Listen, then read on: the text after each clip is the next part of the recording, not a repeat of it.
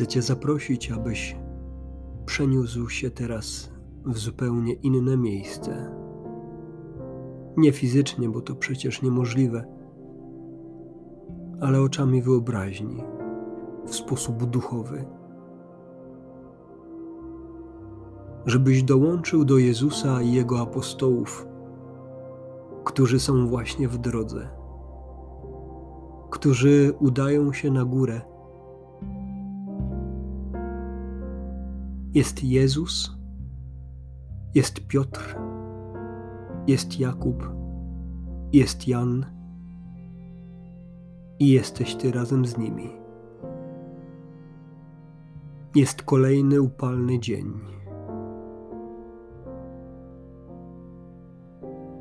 Widzisz apostołów, którzy idą za Jezusem. Widzisz ich determinację, widzisz ich pasję widzisz ich zachwyt, bo oni wiedzą, że jeżeli Jezus zabiera ich w miejsce ustronne, to znaczy, że ma im coś ważnego do powiedzenia, że chce im coś wytłumaczyć, że chce ich czegoś nauczyć, że chce się z nimi modlić, bo tak było zazwyczaj. I pomimo trudu wędrówki, pomimo upału nie zwalniają kroku, aby dojść na szczyt góry Tabor i tam przekonać się, co Jezus ma im do zaoferowania. To nie pierwsze ich spotkanie z Jezusem na osobności. Więc pewnie każdy z nich miał jakieś swoje wyobrażenie. Każdy z nich czegoś się spodziewał. To takie nasze ludzkie, zwłaszcza w sytuacjach, które dobrze znamy, że bez większych trudności jesteśmy w stanie wyobrazić sobie ewentualną rzeczywistość, która ma za chwilę nastąpić. Zobacz na apostołów. Zobacz każdego z nich z osobna. Oni pewnie też w podobny sposób czekali na ten moment. Z jednej strony zaskoczeni, ale z drugiej strony jakby trochę pewni tego, co nastąpi. I nagle w pewnym momencie patrząc na twarze apostołów, widzisz ich wielkie zaskoczenie. Widzisz, że tego, co zobaczyli, nie spodziewali się w ogóle. Że Jezus połamał ich wszelkie schematy, że Jezus wyszedł naprzeciw ich wszelkim oczekiwaniom, przekraczając je i pokazując siebie w swoim bóstwie. Popatrz teraz na Jezusa. Zobacz go oczami wyobraźni, innego niż możesz go sobie wyobrazić, kiedy patrzysz na przykład na obraz Jezu ufam Tobie. Zobacz go jeszcze piękniejszego, jeszcze bardziej boskiego bo takim zobaczyli go apostołowie.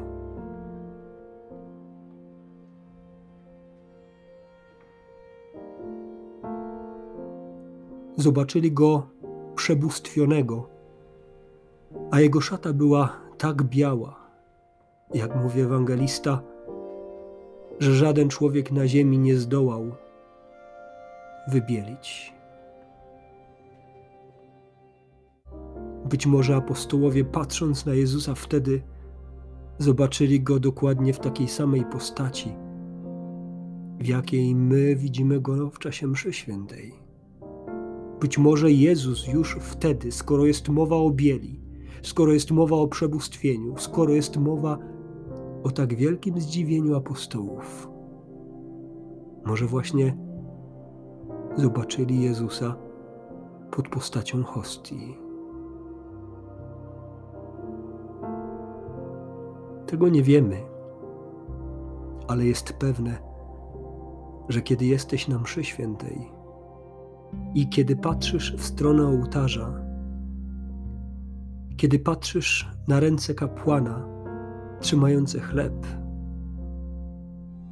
widzisz dokładnie tego samego Jezusa, którego widzieli apostołowie na górze, którym się zachwycili, którym się zadziwili.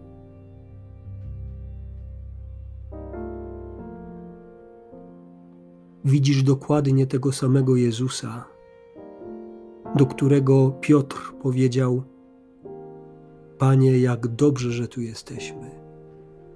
Jak dobrze, że tu jesteśmy. Zobacz zadowolenie na twarzy Piotra. Spójrz na błogość pozostałych apostołów. Na ich twarzach rysuje się tak wielka radość, rysuje się tak wielkie zadowolenie, rysuje się tak wielkie zaskoczenie i chęć, aby ten moment trwał nieskończenie.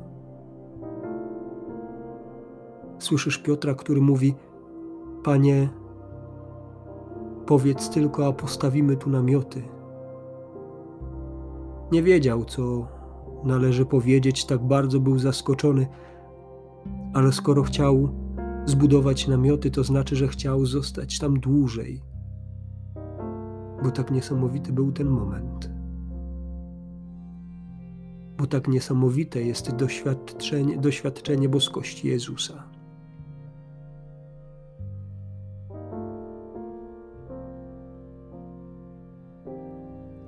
Popatrz przez chwilę na Jezusa. Spróbuj wyobrazić go sobie tak niesamowicie fascynującego, tak niesamowicie boskiego. I choć to trudne, bo przecież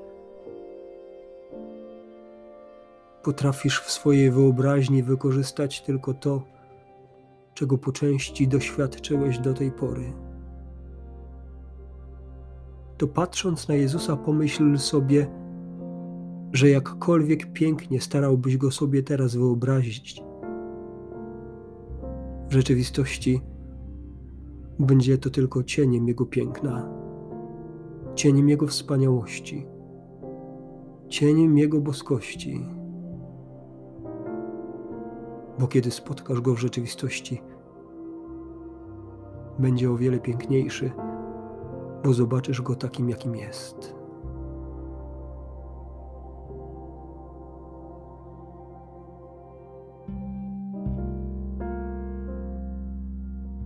Jezus przemienił się wobec apostołów, bo było to dla nich potrzebne, bo było to im potrzebne, bo wiedział, że przyjdzie czas, kiedy on sam zostanie zabrany, a im pozostanie to doświadczenie i wiele innych, w których przekonali się, że Jezus jest tym, którego Bóg zesłał na ziemię. Jezus wiedział, że jest im to potrzebne na czas próby i doświadczenia. Pomyśl sobie,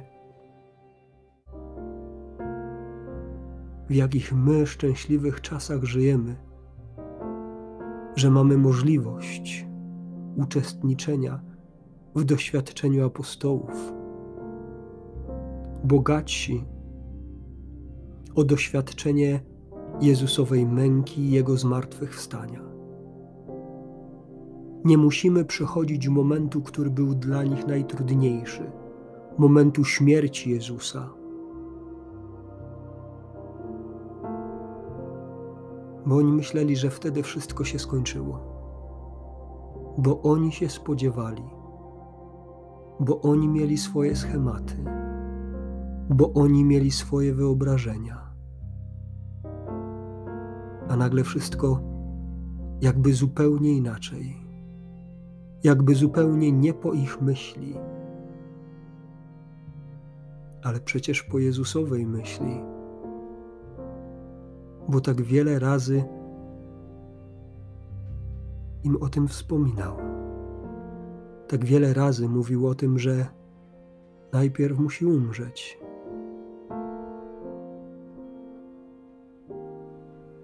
Być może wydaje ci się czasami, że łatwiej byłoby ci wierzyć, gdybyś żył razem z apostołami, gdybyś Jezusa mógł zobaczyć. Apostołowie zobaczyli Jezusa. Apostołowie słyszeli Jezusa. Dodatkowo ci, których dzisiaj poznałeś, Jakub, Piotr i Jan, zobaczyli Jezusa przemienionego, uwielbionego.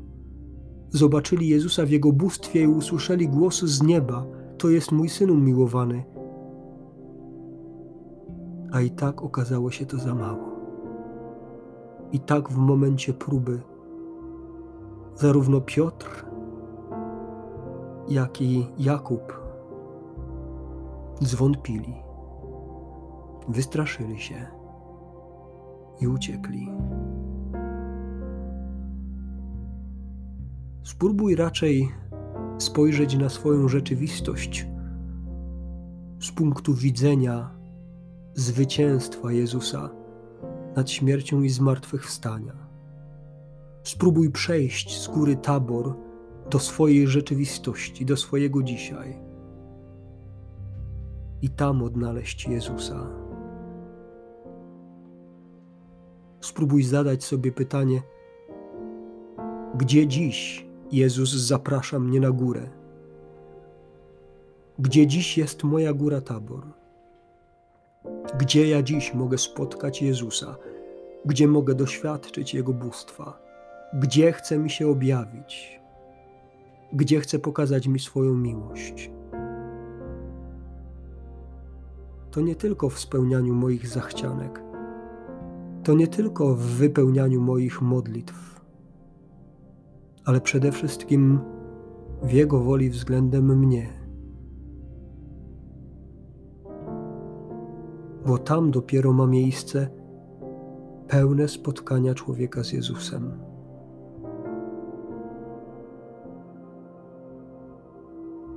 Kiedy modlitwa staje się oczekiwanym przebywaniem,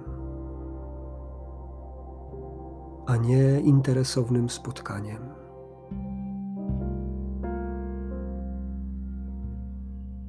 Gdzie dziś Jezus chce, abym się z Nim spotkał? Panie Jezu, pokaż mi dziś, gdzie jest moja góra tabor.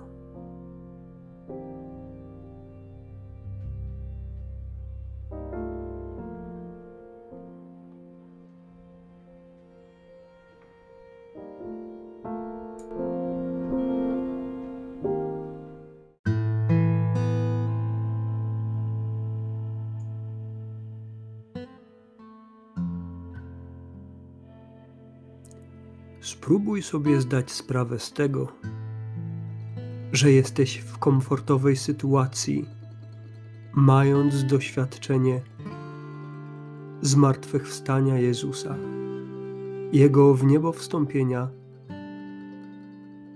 oraz zesłania Ducha Świętego na apostołów, ale także i na Ciebie.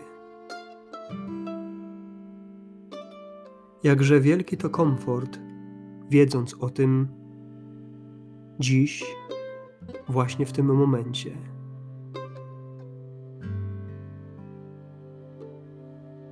Ale warto wejść w sytuację i rzeczywistość uczniów, którzy jeszcze nie mieli doświadczenia Ducha Świętego. Co więcej, którzy nawet nie rozumieli, co znaczyło Jezusowe słowo o przyjściu powtórnym o Jego zmartwychwstaniu, o Jego w niebo wstąpieniu. Te wszystkie słowa były dla nich totalną abstrakcją. zdecydowanie ja jestem dziś w dużo lepszej sytuacji.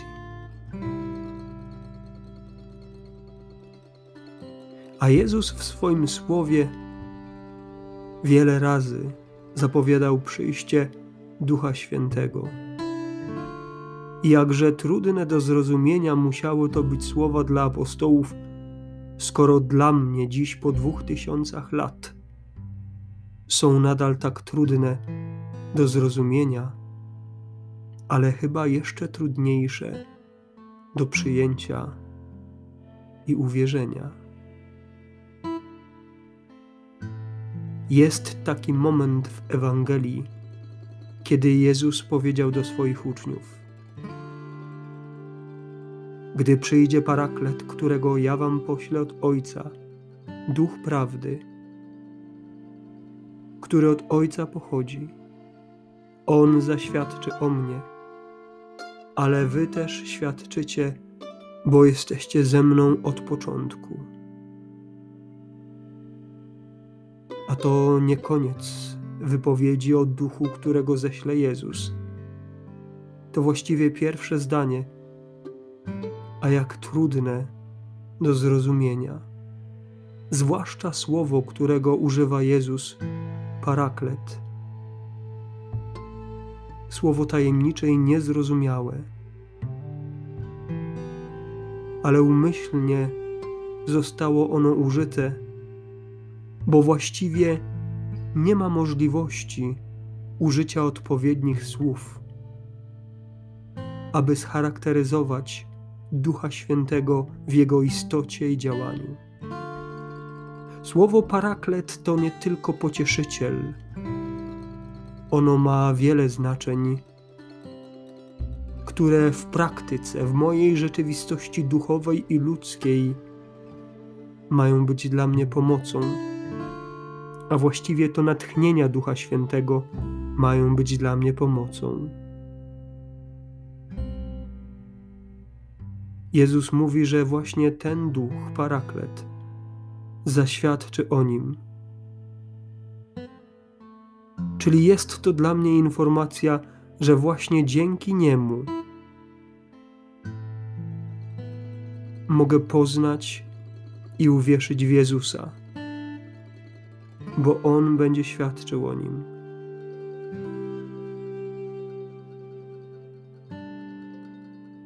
I Jezus mówi dalej: Jeszcze wiele mam wam do powiedzenia, ale teraz znieść nie możecie. Gdy zaś przyjdzie On, duch prawdy, doprowadzi was do całej prawdy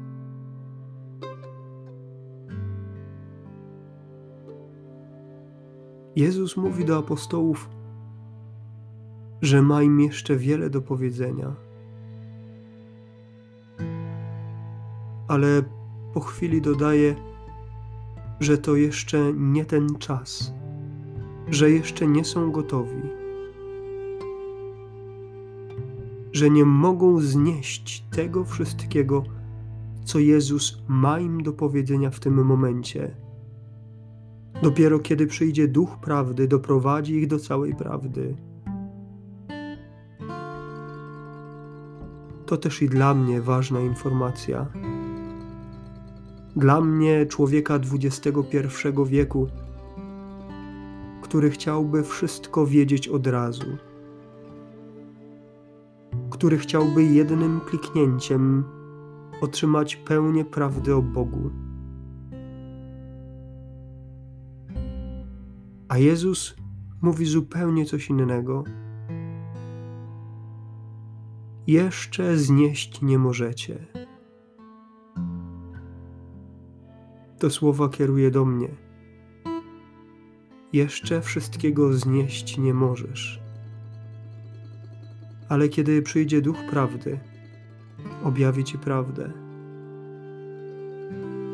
To niesamowita perspektywa Bożej prawdy i obecności w moim życiu, która rozciąga się na całą moją przyszłość. Bo Jezus chce mi powiedzieć, że w pewnym stopniu dozuje mi prawdę o Nim samym, bo nie jestem w stanie jej pojąć w całości od razu. A Duch Święty, którego posyła, jest tym, który mi stopniowo tę prawdę o nim będzie odsłaniał.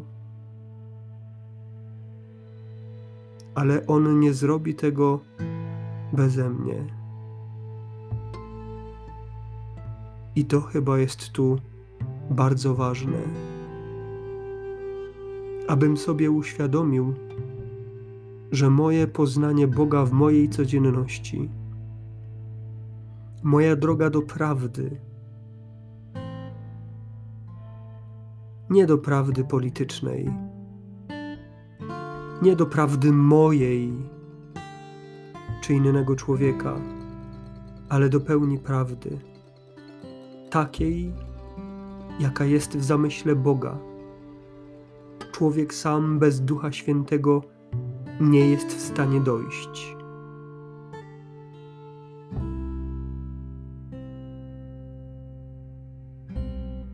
Spróbuj sobie pomyśleć, ile razy do tej pory zdarzyło ci się szczerze zawołać, bez znaczenia, czy miało to miejsce w napływie gorącej wiary, czy w słowach chłodnej wątpliwości. Duchu Święty, jeżeli jesteś, to uchyl mi tajemnicy Twojego bóstwa. Pokaż mi i pozwól zrozumieć, a także uwierzyć, że to wszystko ma sens, że to nie tylko pobożne gadanie, że to nie sprytnie napisana książka i promowana od dwóch tysięcy lat.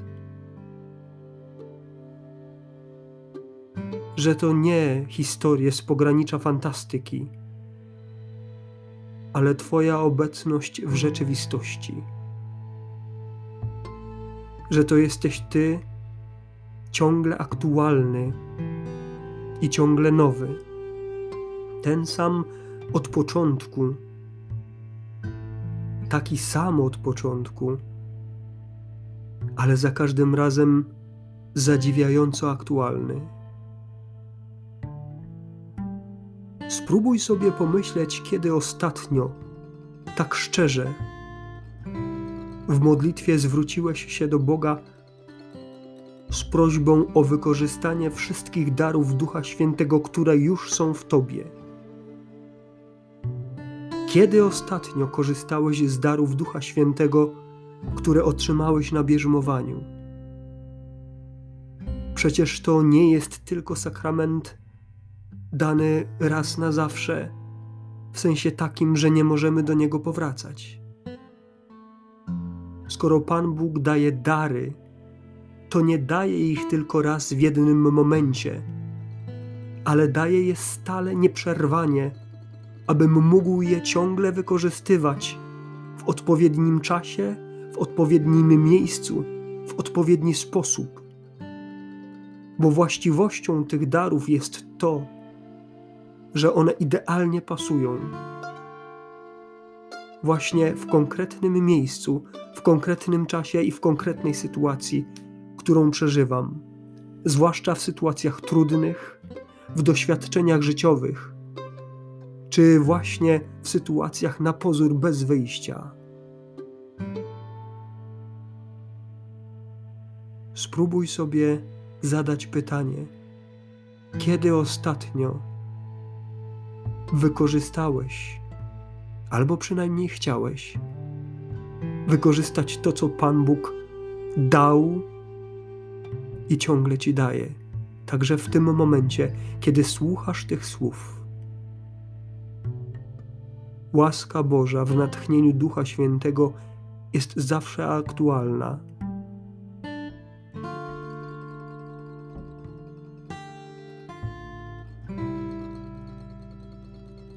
Duch Święty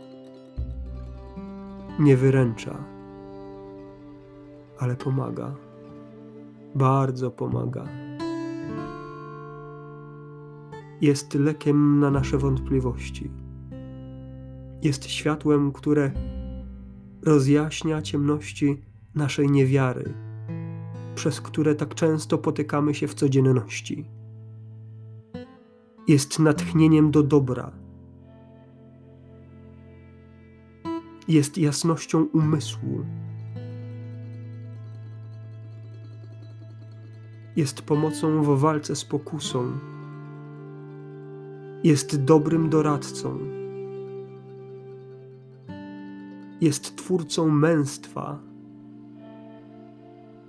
jest wyznacznikiem sprawiedliwości. I długo by tak jeszcze wymieniać. Zadziwiające jest to, że my te wszystkie dary, że my te wszystkie umiejętności mamy w zasięgu ręki, w zasięgu umysłu, w zasięgu serca, w zasięgu duszy. Wystarczy być może pierwszy raz w życiu szczerze powiedzieć: Duchu Święty, który mieszkasz we mnie na mocy Chrztu Świętego, którego otrzymałem tak bardzo w momencie bierzmowania, przyjdź mi z pomocą, pokaż drogę, usuń wątpliwości, rozjaśnij to wszystko, co jest dla mnie dziś tak ciemne i niezrozumiałe.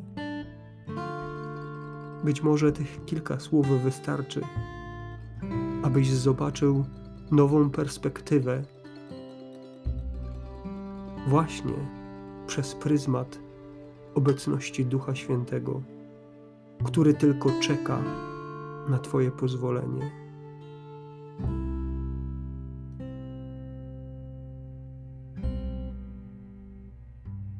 Gdy przyjdzie On, Duch Prawdy, doprowadzi Cię do całej prawdy.